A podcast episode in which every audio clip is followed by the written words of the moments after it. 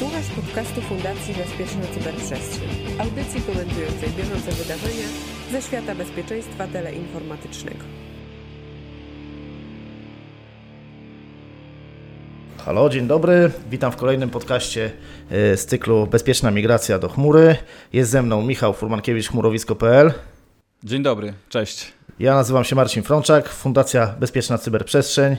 E, Dzisiaj będziemy e, w kolejnym odcinku właśnie z tego cyklu Bezpieczna chmura rozmawiali o bezpieczeństwie sieci. Tak. Podzielimy e, ten temat, bo jest dosyć obszerny, e, podzielimy go na dwie części i w pierwszej opowiemy sobie e, w ogóle, jak e, e, chmura ewoluowała e, przez te kilkanaście lat też pod względem właśnie e, zabezpieczeń w sieci. Opowiemy, czym są chmury publiczne, prywatne, e, hybrydowe i współdzielone i na co należy zwracać uwagę przy e, wyborze odpowiedniego modelu. A w kolejnym odcinku opowiemy o narzędziach, jakie można zastosować, jakie oferują dostawcy, żeby tą chmurę dobrze zabezpieczyć, zaizolować, porobić segmentację i sprawić, żeby ta komunikacja z, z i do chmury była bezpieczna.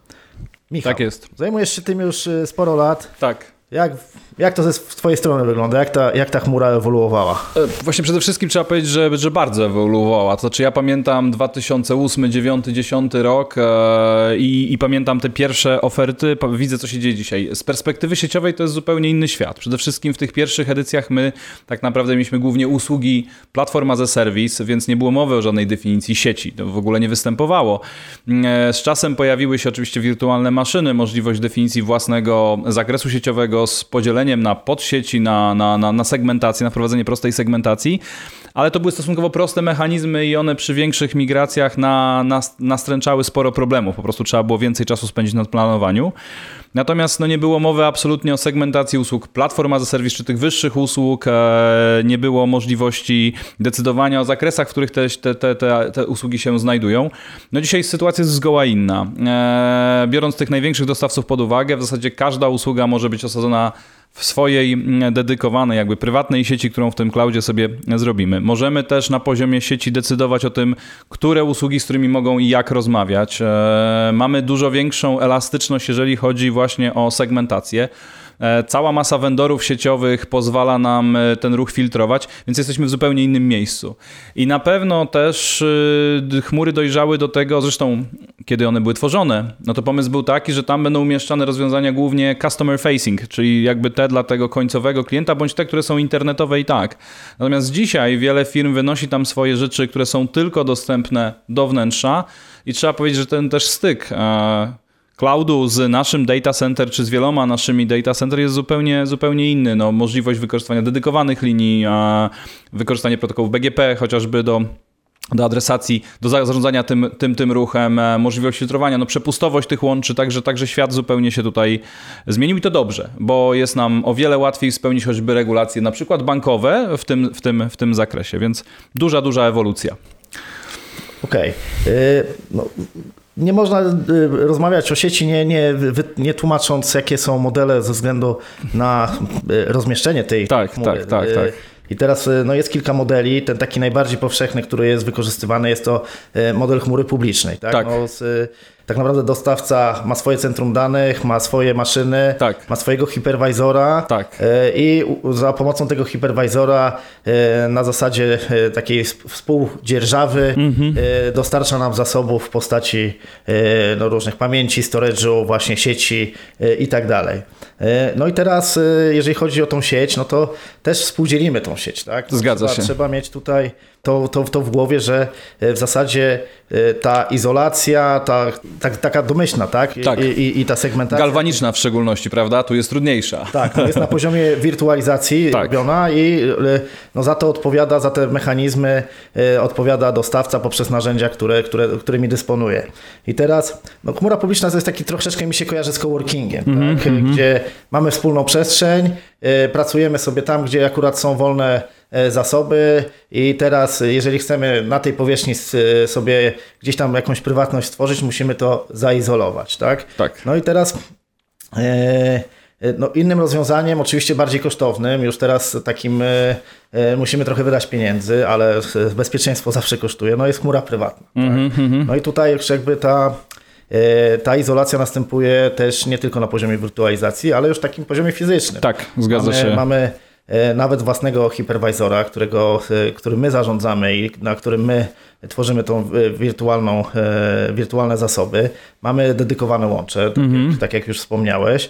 E, No i tutaj to bezpieczeństwo już e, no, zaczyna nam się robić e, dosyć, dosyć e, na wysokim poziomie. Także e, pytanie, czy da się skutecznie wyizolować e, zasoby e, w chmurze publicznej? E, No, trzeba było je rozbić na, na szczegóły, bo pytanie, co to będzie, to, że to jest skutecznie zaizolowane. Czy na przykład, jeżeli my będziemy w stanie, może inaczej. E, Po pierwsze, e, przy cloudzie publicznym występuje jeden aspekt, przez którego nie, nigdy nie przewalczymy. To znaczy, gdzieś będzie element zaufania, za, element zaufania do dostawcy.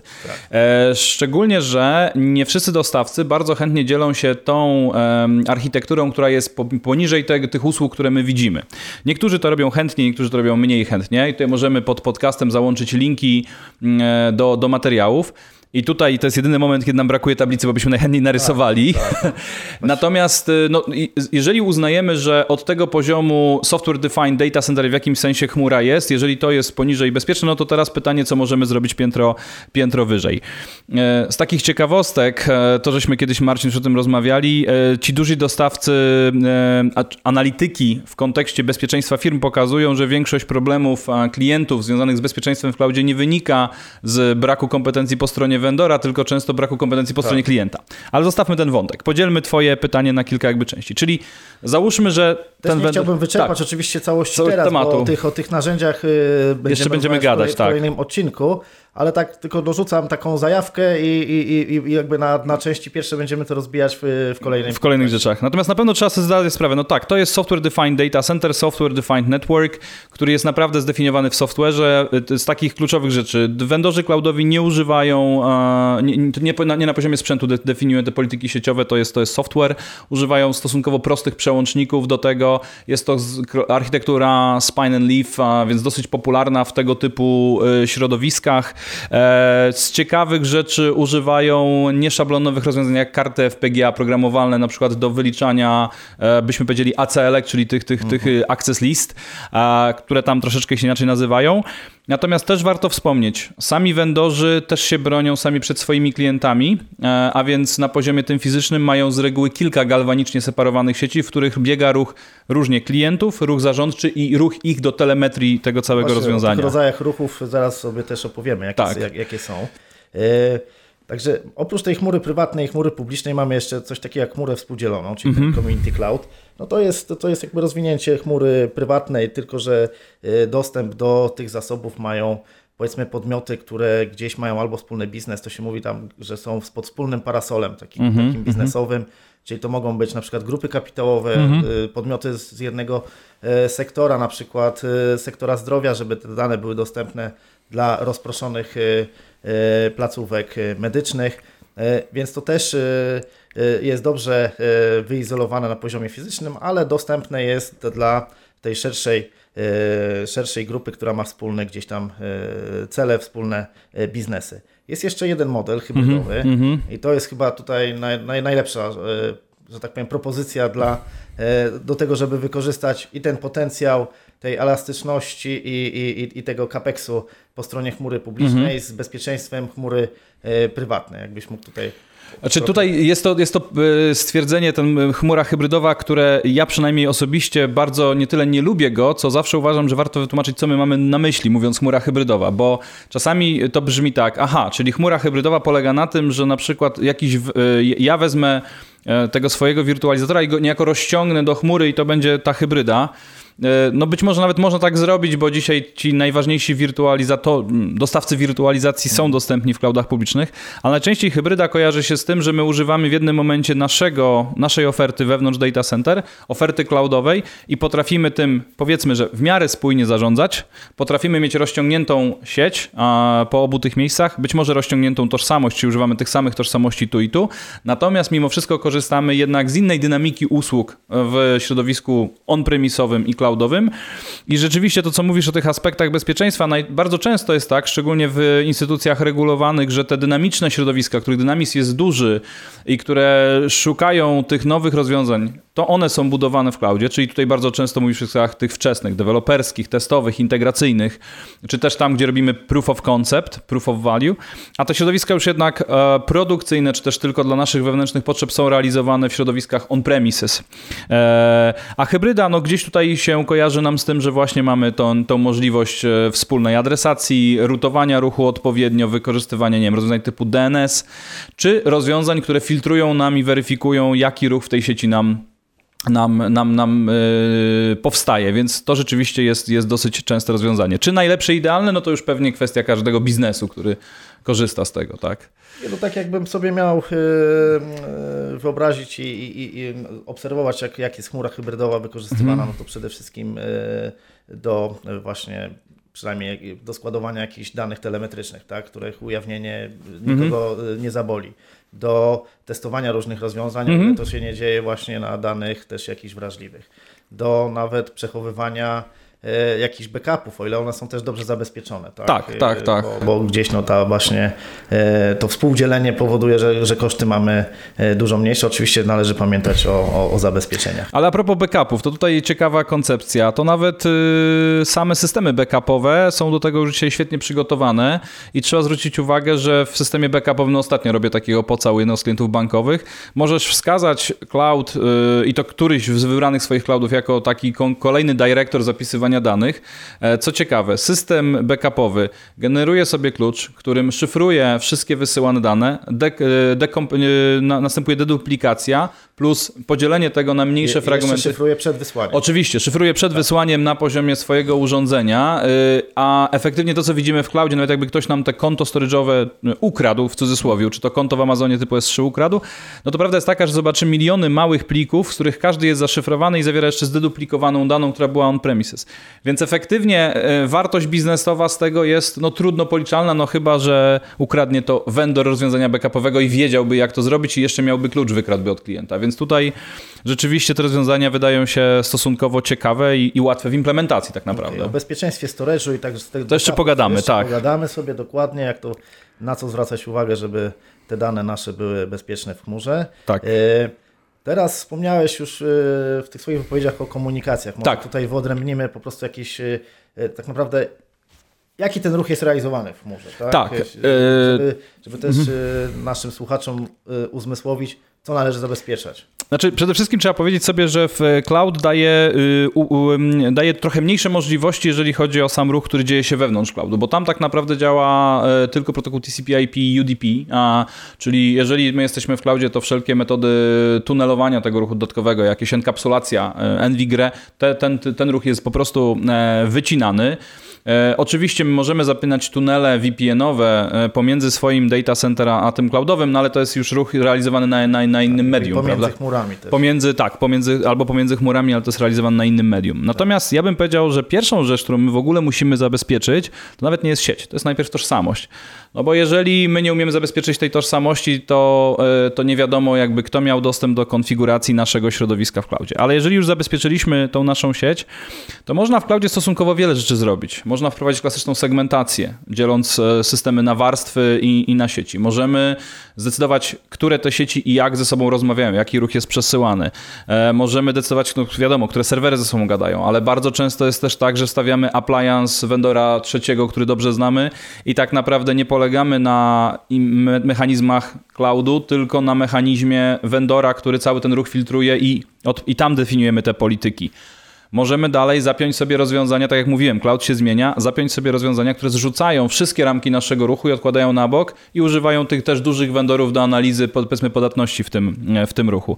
Więc możliwości jest wiele i one występują zarówno na warstwie sieci, ale też na warstwie każdego rozwiązania. Więc nie można, my nie jesteśmy dzisiaj w stanie tutaj w tych kilkunastu minutach opowiedzieć o wszystkim, bo trzeba sobie zdać z jedną sprawę. Jeżeli my mówimy, że w cloudzie jest 150 usług, a powiedzmy w plus tych usług, a 70 z nich rozumie, jak działa sieć, to w zasadzie każda z nich ma jeszcze jakieś dodatkowe możliwości.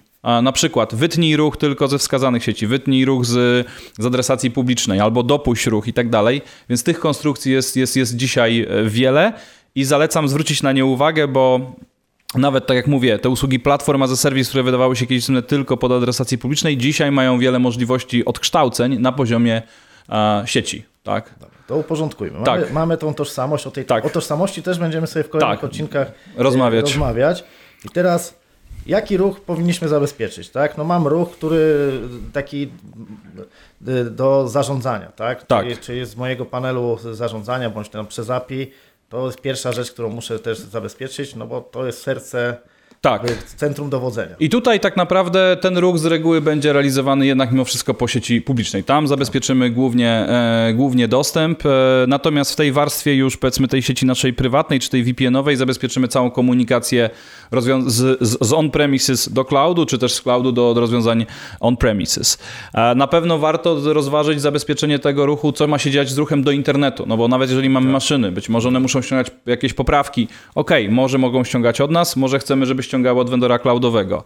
E, No być może mamy jakieś klastry kontenerowe, no to pytanie skąd pobieramy imidże? No pewnie nie z Docker Huba, E, to nie, ale być może z naszego jakiegoś repo wystawionego również gdzieś, więc to jest jakiś tam element, który warto rozważyć. No klaster Kubernetes to w ogóle oddzielna kategoria rozmowy o bezpieczeństwie. Tak, to, to, jest, to to jest oddzielny podcast, także Tak.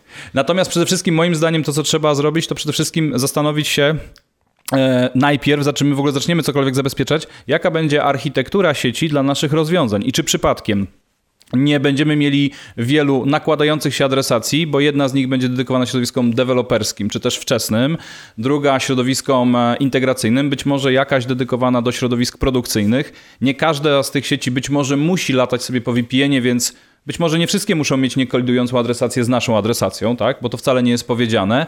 Więc dobrze sobie usiąść i zaplanować, czego my, co my będziemy budować, jaka ta architektura sieci będzie i jak my będziemy potrafili zabezpieczać ten ruch, ale potem weryfikować, że te zabezpieczenia rzeczywiście nam działają, bo nie, spos- nie, nie, nie, nie, nie, jest wielkim wyzwaniem wy, raz to e, jakby zaimplementować, a potem nie mieć możliwości weryfikacji tego technologicznej.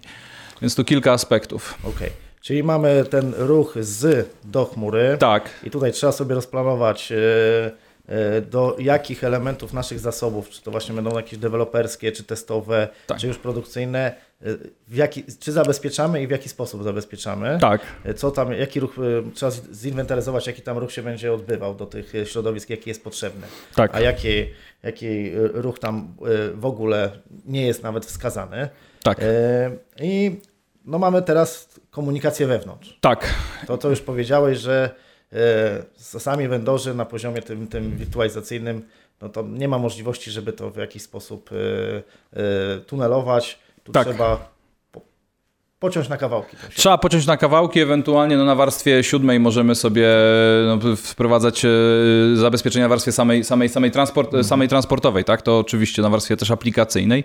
Więc tak, tego się, tego się już tunelować nie da, trzeba to segmentować, e, kolorować i, i, i w ten sposób o tym, o tym myśleć. Tutaj więcej możliwości nie ma. Dobrze, o tej, o tej segmentacji sobie Tak. powiemy w kolejnym odcinku, Tak. bo jest, jest kilka już ciekawych e, rozwiązań i, i, i coraz fajniejsze modele, e, między innymi właśnie Zero Trust model teraz, Tak. e, który e, gdzieś jest chyba przez Google'a e, tutaj wdrożony, bo mieli tam kłopoty i chyba stwierdzili, że jeżeli ktoś już e, przedostanie się przez e, tą granicę, to niekoniecznie powinien już buszować e, w naszym Mhm. środowisku, więc to jest mocno pociechane. Tu jeszcze bym dodał jedną rzecz, że warto też sobie poczytać, bo sami vendorzy cloudowi jakby pomiędzy tym ruchem internetowym, który przychodzi do naszego rozwiązania, e, mają całą paletę rozwiązań, których używają, no bo wiadomo, że oni sami też się bronią przed, przed, przed, przed ruchem przychodzącym, ale też filtrują ruch wychodzący. Ja pamiętam sytuację jak dziś, kiedy to vendor cloudowy wysłał e, alert do nas, właściwie do klienta, że z twojego serwera wychodzi ruch, który atakuje ileś adresów publicznych, które na pewno nie należą do ciebie w naszej subskrypcji. Klient mówi, przecież to niemożliwe, no więc niemalże e, palcem wskazali adres publiczny IP, z którego taki ruch wychodzi, no aby, że ponieważ był to jakieś tam e, klasyczne rozsiewanie i z, jakiś, z jakiś zarażonego Linuxa akurat w tym momencie, no to, to rzeczywiście to wskazali, więc to jest też ciekawe, że mamy dzięki tym ich mechanizmom mamy dodatkowy element, którego nawet żeśmy nie zamawiali, tak? No tak, oni, nam, oni nam to monitorują, no to jest ta przewaga właśnie chmury też publicznej.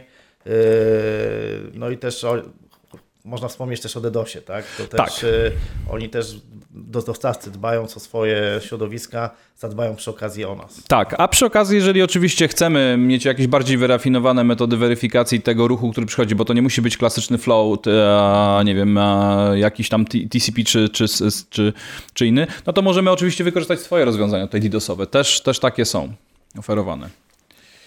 Okej, okay. zbliżamy się do końca, więc może e, tak podsumowując tak. część taką wprowadzającą. E, chmura ewoluowała, tak? Zdecydowanie. Zdecydowanie coraz więcej narzędzi mamy do tego, żeby e, tutaj tą chmurą, znaczy tą siecią w środku zarządzać i ją zabezpieczać. Tak. Tutaj wspomniałeś przed programem o jakimś sloganie, który chciałeś tutaj wspomnieć. A, y, a, jasne. Y, pamiętam 2013 rok i kolega Mirek z ABB, którego serdecznie pozdrawiam, powiedział jedną rzecz. Connectivity w chmurze is everything. Przepraszam za taki Polish English, ale rzeczywiście wtedy przy dużych środowiskach wyszło, że jeżeli my nie potrafimy nad tą siecią zapanować, to w ogóle wszystko inne może nie, nawet nie mieć sensu. Bo przy dużym środowisku, jeżeli my to źle zaplanujemy, to potem naprawdę ciężko jest z pewnych decyzji e, wyjść, a już jak na to możemy, chcemy nałożyć tą warstwę bezpieczeństwa czy monitoringu, no to rzeczywiście to się staje karkołomne, karkołomnym rozwiązaniem, szczególnie jeśli mówimy o firmie, która mm, nie, migruje się do dwóch vendorów cloudowych i ma cztery data center po świecie, tak? To to jest rzeczywiście rzecz ciężka. I drugą rzecz, którą przed podcastem o tym żeśmy rozmawiali, często się spotykam z tym, że mm, e, ludzie, którzy zajmują się dzisiaj siecią, zabezpieczaniem tej sieci, projektowaniem tej sieci, mówią, Michał, co ja będę robił w chmurze? A ja im zawsze mówię, stary, będziesz miał tyle pracy, że nie będziesz wiedział, gdzie przysłowiowe ręce włożyć, bo e, no, chmura wcale nie musi upraszczać. Jeżeli jesteśmy w 100% w cloudzie, to być może tak, ale przecież e, mało jest w Polsce firm, które są w 100% dzisiaj w cloudzie, dopiero zaczynają tą drogę. Więc zaprojektowanie tego nie jest trywialnym rozwiązaniem i daje dużą szansę, moim zdaniem, dużą szansę wykazania się, jeżeli chodzi o takie skillsy projektowe, projekt, e, projektowe i implementacyjne tutaj. No. Tak, to o czym wspomniałeś, to jest jedna z, z takich wspomnianych od lat barier wejścia w chmurę, że personel IT, który do tej pory miał u siebie on-premisowe rozwiązania, tak. E, e, ma obawy przed tym, że e, nie, nie będzie miał chleba, tak? Znaczy, mm -hmm. W sensie takim, mm -hmm. że nie będzie miał pracy. Tej pracy jest po kokardę, że tak, tak powiem, tak, tak, tak, tak, tak kolokwialnie. Chmura trochę prze, przemodelowuje nasz sposób myślenia i tutaj, ale tego chleba na pewno nie odbiera tej, tej, tej roboty przy wdrażaniu i opracowaniu architektury sieciowej jest y, naprawdę sporo. Tak, i jeszcze ostatnie na koniec. Dlaczego jest jeszcze sporo? No bo jeżeli my chcemy zyskać tą elastyczność i wydajność i my chcemy iść w tą stronę takich dynamicznych środowisk i które będziemy dość często powoływać i dość często kasować, to naprawdę trzeba sobie teraz zdać sprawę, że to środowisko jest dużo bardziej, być mo może być, mo inaczej, może być dużo bardziej dynamiczne niż klasyczne. Więc nawet od strony procesowej i proceduralnej my musimy mieć troszeczkę inne podejście do tego. Także... Jasne, jeszcze tylko tak przypomnę. Tak. Jest, są, są chmury publiczne. E, trzeba z, e, pamiętać, że z, tak naprawdę izolację i segmentację tej sieci robimy na warstwie software'owej. Mhm. Większość tych kwestii jest realizowana po stronie dostawcy. Tak. Jeżeli mamy chmurę prywatną, to oczywiście koszty są trochę większe, no ale wzrasta nam poziom bezpieczeństwa, bo mamy już dedykowane maszyny, dedykowaną lokalizację, dedykowane łącza, więc tutaj już na warstwie sprzętowej możemy to, e, to działać. Współdzielona, która, tak jak mówiłem, jest rozszerzeniem tej prywatnej dla jakiejś grupy kapitałowej czy bądź sektora, no i hybrydowa, gdzie tutaj można wykorzystać e, potencjały obu tych chmur. Tak. E, główną rzeczą, którą będziemy pewnie zabezpieczać oprócz tych zasobów, no to będzie komunikacja pomiędzy tymi tymi światami, tymi tak. światami. Tak, tak, tak. E, I naprawdę cała rzesza decyzji, które trzeba podjąć, tak żeby tylko wskazać, co z ruchem monitorującym, co z ruchem, co z ruchem typu do CMDB, na przykład co ze CM-em, firewall, czwarta warstwa, siódma warstwa. E, no cała rzesza decyzji, które jeżeli, znaczy musimy je naprawdę dość szybko podjąć, bo na przykład jeżeli zdecydujemy, że CMDB, nie, no nie, nie, nie komunikujemy się naszego CMDB do wnętrza organizacji, to co, dwa CMDB? Więc naprawdę tych decyzji jest, jest, jest sporo i jest ciekawie.